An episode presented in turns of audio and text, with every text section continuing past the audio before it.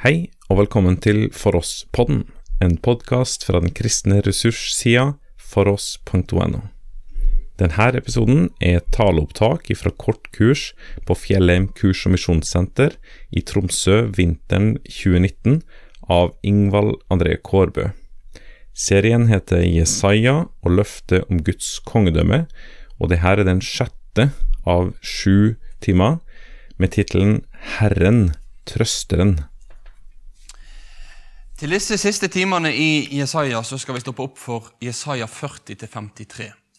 Det er mange tekster nå i siste del av Jesaja-boka jeg kunne tenkt at vi kunne hatt god tid på å stoppe opp for og, dvelt ved. Jeg kunne tenkt meg at vi hadde hatt mange dvelemøter, sånn som Kåre sa at vi ikke hadde i går kveld, men dvelemøte rundt disse ulike tekstene her. Der vi hadde brukt tid på dem og, og gravd i dem og stoppet opp for dem og, og, tenkt over hva disse tekstene her virkelig betyr. Men vi skal ta et lite blikk mot siste del av Jesaja-boka i dag. Og så håper jeg at det for dere òg som er her, kan få verte noen tanker, noen ord ifra Guds ord som du kan få ta med deg, tenke på og bære med deg òg når du reiser herifra etter kortkurs. Jeg har satt som overskrift på, på denne timen her 'Herren trøsteren'. For som jeg har sagt før, et av de grunnleggende spørsmålene vi kan stille oss i møte med Guds ord, det er hva lærer denne teksten meg om Herren? Hvem han er, og hvordan han er. Og Hvis du skulle spurt meg, Ingvald, hva, hva, er den sentrale karakteristikken? Hvordan vil du skildre Herren sånn som han møter oss i denne delen av Bibelen? Ja, Da tror jeg kanskje jeg ville sagt akkurat dette her. Det er mange ord vi kunne brukt, og vi kommer til å stoppe opp for mye etter hvert. Men at alt dette her, det blir egentlig samla i den summen at Herren, han er trøsteren. At Herren kommer med trøst.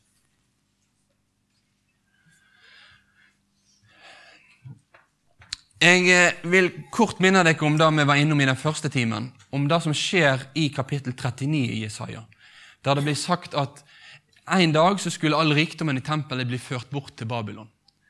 Eh, det ser ut som at det blir profetert om at noen av kongens folk sjøl skal havne i Babylon. Det er en framtidig invasjon. En framtidig invasjon av Jerusalem som de fram til nå har blitt skåna fra. Det er en framtidig krise. Og så er det i fall mange som mener at det er på bakgrunn av det som da skulle skje, at mange av disse ordene her fra Jesaja 40 og utover blir talt. At i møte med den krisen som ligger framfor, de krisene som israelsfolket hadde opplevd gjennom sin tid, ja, så vil Herren få komme til dem med et trøstebudskap. Og da kommer de første ordene, nemlig 'trøst, trøst mitt folk'. Det er en ny tone. Det er en ny tone fra Herren. Det er ikke bare den tonen, det er òg mange alvorsord, det er også mange domsord, som på lik linje med de man stopper opp for tidlig i boken, og blir videreført i siste del av boken. Men denne trøstetonen, den vokser. Så det er en lyd lyd ifra Herren. Men den lyden ifra Herren, den ser òg ut til å henge sammen med at det er en ny lyd ifra folket.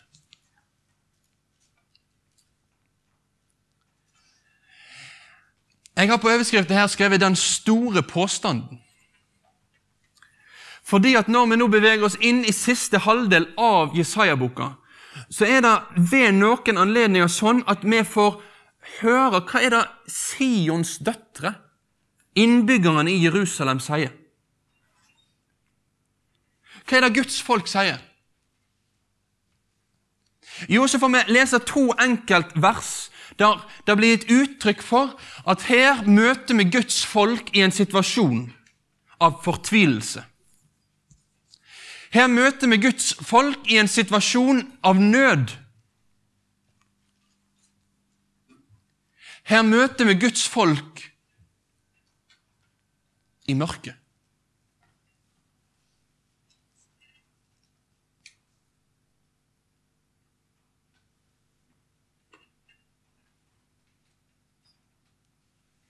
Vi møter et folk i dødsskyggens dal.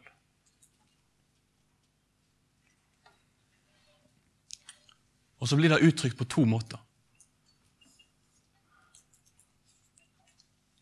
Først så henvender Herren seg til Jakob. For Herren han kjenner hva som rører seg i hjertet. Han vet hva som rører seg i folket. Han vet at i Israel nå på den tida så er det folk som sier Min vei er skjult for Herren. Min Gud bryr seg ikke om min rett.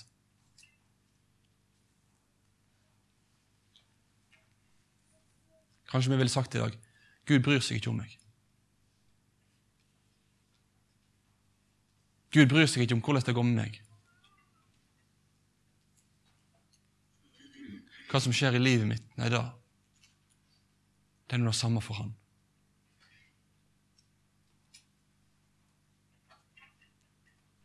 Det er et, folk som som ser ut til å ha blitt grepet av et mismot. Et folk som har blitt grepet av en fortvilelse. Et folk som tenker at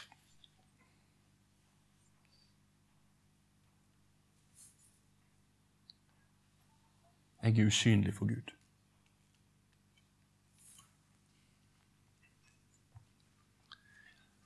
Dette dukker opp igjen noen kapittel senere, når vi kommer til Jesaja 49. Sion, Jerusalem, innbyggerne i Jerusalem, som nå sier Herren har forlatt meg. Herren har glemt meg. Han har glemt meg.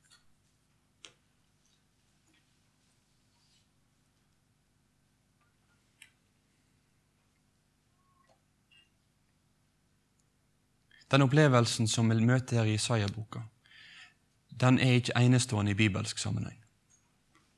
Vi kan gå til salmene, og i salmene leser mange ulike salmer der det har vært satt ord på hvordan Guds folk har erfart det som om Herren sover. Erfart det som at Gud var langt vekke. Erfart det som at Gud var en Gud som ikke var der.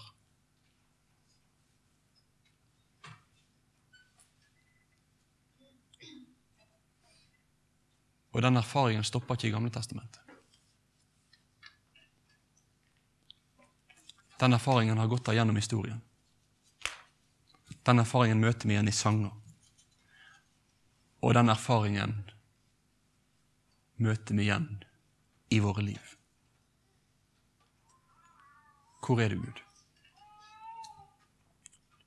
Du har glemt meg. Du har glemt oss.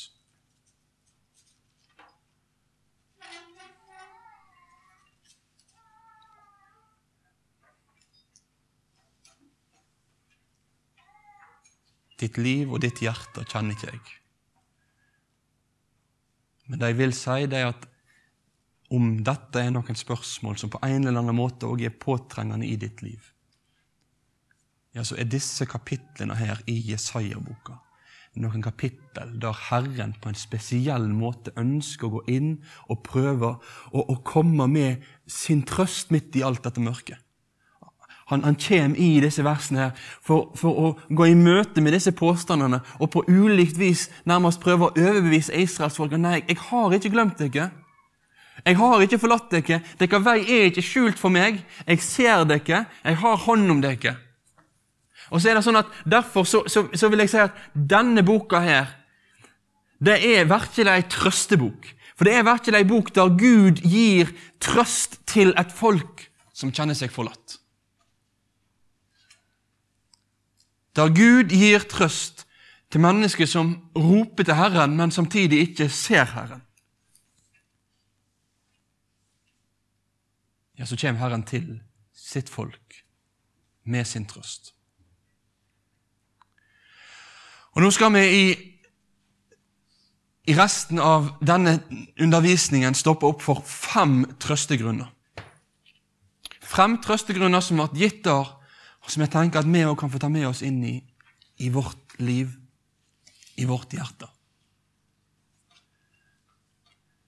Så Vi begynner på det nå, og så fortsetter vi etter lunsj.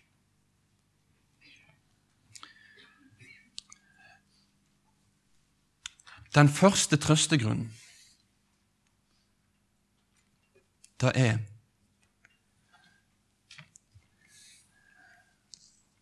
Hør stemmen om Herrens komme.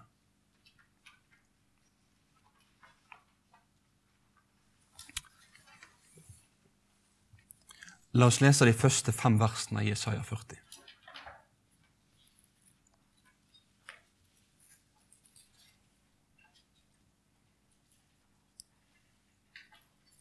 Trøst. Trøst mitt folk, sier dere Gud. Tal til Jerusalems hjerte og ro, rop til henne at hennes strid er fullført, at hennes skyld er betalt, at hun har fått dobbelt av Herrens hånd for alle sine synder. Ei røst roper. Rydd Herrens veg i ørken, jamn ut i øydemarka en veg for vår Gud. Hver dal skal hevast, hvert fjell og hver haug skal senkast. Bakkete land skal bli til slette, og kollane til flat mark. Herrens herligdom skal åpenbære seg. Alle mennesker skal sjå det, for Herrens munn har tala.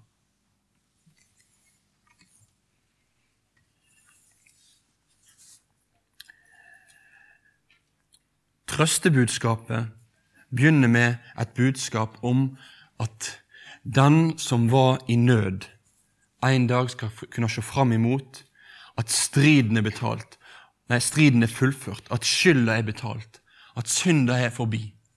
Det står 'rop til henne' i min bibel her. Det er som om det er noe som må overbevises om. At den som sitter i mørket, ja, du skal få se fram imot en dag der striden er forbi. Og så er det en røst som kommer i ødemarka, og som roper om akkurat dette her. Ei røst som roper om at vi skal rydde vei for Herrens komme. At det er en konge som nå skal komme. Herrens herlighet skal åpenbare seg. Gud skal komme.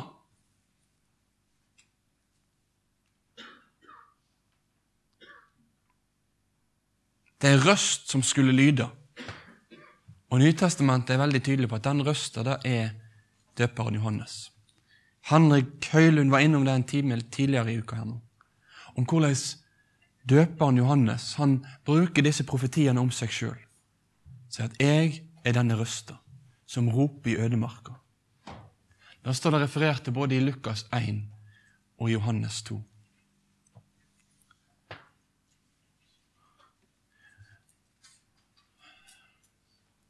Og da han roper om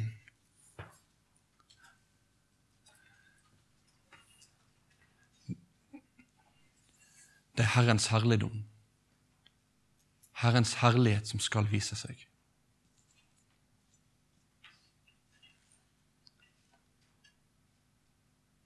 Når Jesus blir født og lever sitt liv, og en av hans nære apostler, Johannes, etter hans død skal skrive sitt evangelium, så sier Johannes, og vi så hans herligdom, den herligdommen som er lik den en sønn har fra Faderen.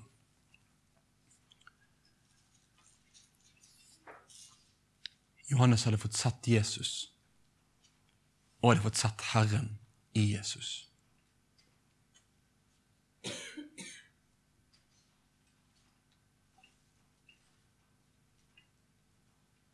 Den første trøstegrunnen det er at én skal komme. En som skal vise Guds herlighet. Og når Hans herlighet blir vist, ja, så er det òg løftet om at en dag så skal striden være endt.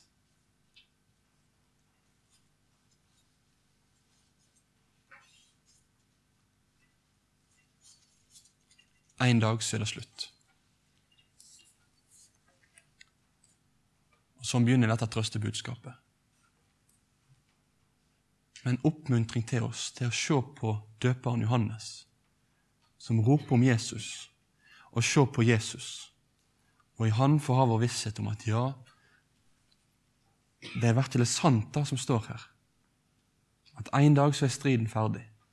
En dag ja, så skal jeg vite at all synd er forbi.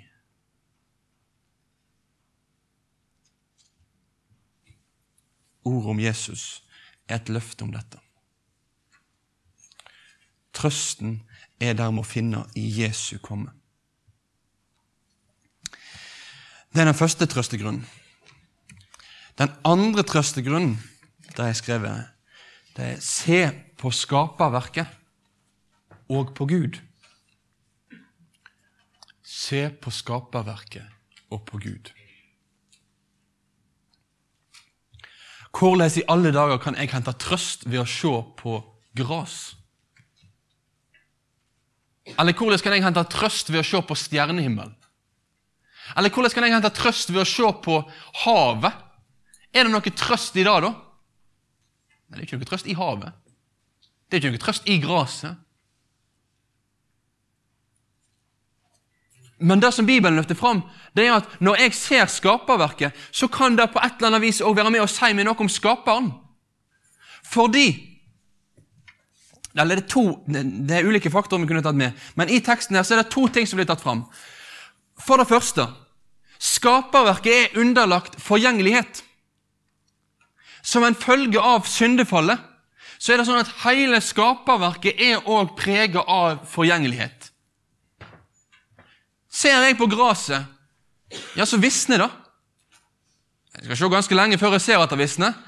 Men hvis jeg kommer tilbake til det samme grasstrået et par måneder etter jeg så det første gang, så vil jeg se at det er ikke det samme. Ser jeg på gresset, så er det ikke noe å sette mye håp til for framtida. Det er ikke sånn at jeg kan klynge meg til et grasstrå og si at yes, dette skal jeg bygge livet mitt på. Dette kommer til å holde. Dette kommer til å holde dette året, neste år, ja, i all evighet. Bare se dette grasstrået her. Det er så veldig holdbart. Nei, grasstrået visner. Det er forgjengelig. Det duger ikke til noe. Men så er da Jesaja sitt budskap i denne trøsten. Det å si at Guds ord er motsetningen til grasstrået. At Guds ord er det motsatte av gresset. Gresset tørker bort, blommen visner, men ordet fra vår Gud står evig fast. Og her er òg gresset et bilde på mennesket. At alt kjøtt er som gras. At faktisk, ja, så er det òg en motsetning mellom menneske og Gud og Hans ord. Mennesket visner. Mennesket falmer. Men Guds ord står alltid fast. Det er en trøst som blir lagt fram her. At det er noe sikkert en kan klynge seg til. Selv om livet kan få ulike farger.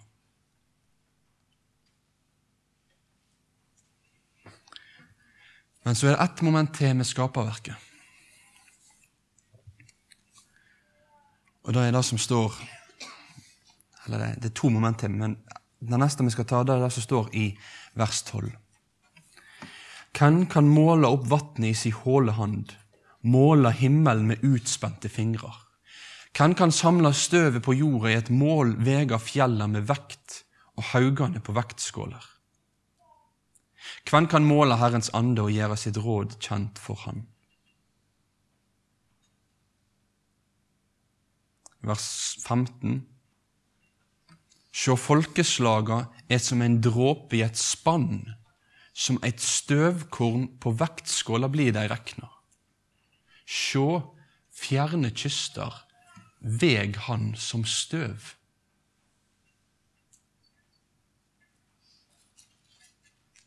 Om du bor på Austevoll, så ser du mye sjø. Det er sjø rundt overalt. Så da kan jeg tenke på når jeg kommer hjem igjen, så kan jeg stille deg opp og så kan jeg se utover sjøen. Så kan jeg tenke Hvor mye er det her? Hvor mye vann er det egentlig i havet? Kan jeg måle det opp i hånden min? Nei, jeg kan gå ned til ned i fjøra og kan ta en neve. Han kan kanskje ta den neven og så kan han ta i bøtta. En neve til og en neve til. Men jeg ser at dette her går ikke an å måle opp i hånda. Men så er poenget her å si at ja, men, men Herren kan.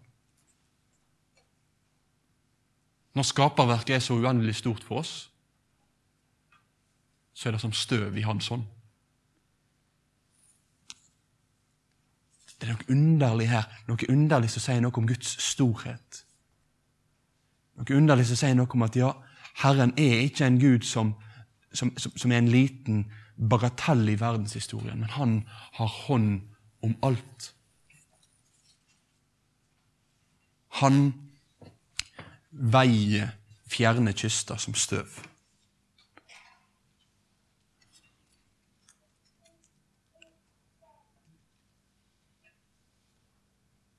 Og så kan en da tenke ja, men ok, når Gud er så stor, så sterk, så mektig Når han er sånn, når han kan måle opp havet Når han er den som veier fjerne kyster som støv Ja, da ser han i alle fall ikke meg. Altså Hvis jeg føler meg liten, og jeg tenker at Herren ser ikke min vei og så tenker jeg at ja, men til og med havet er jo bare som en, en liten sak i hans hånd. Ja, Hvor liten blir ikke jeg, da?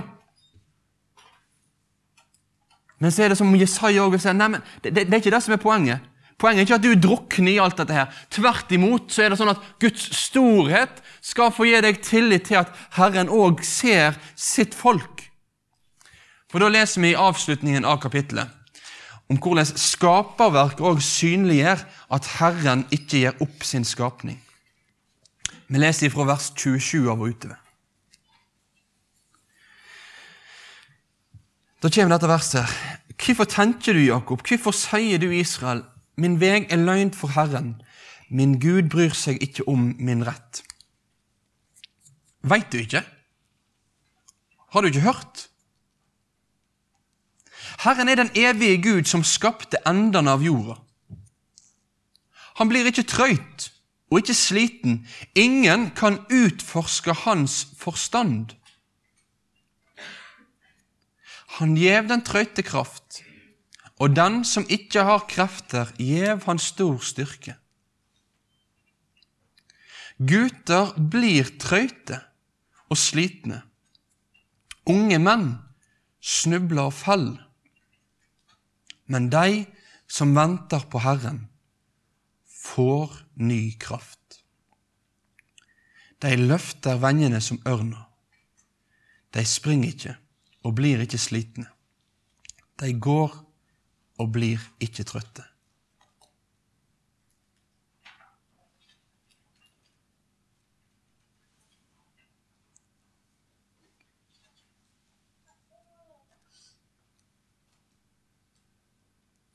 Han som har skapt endene av jorda. Han blir ikke trøtt. Men han gir den trøtte kraft.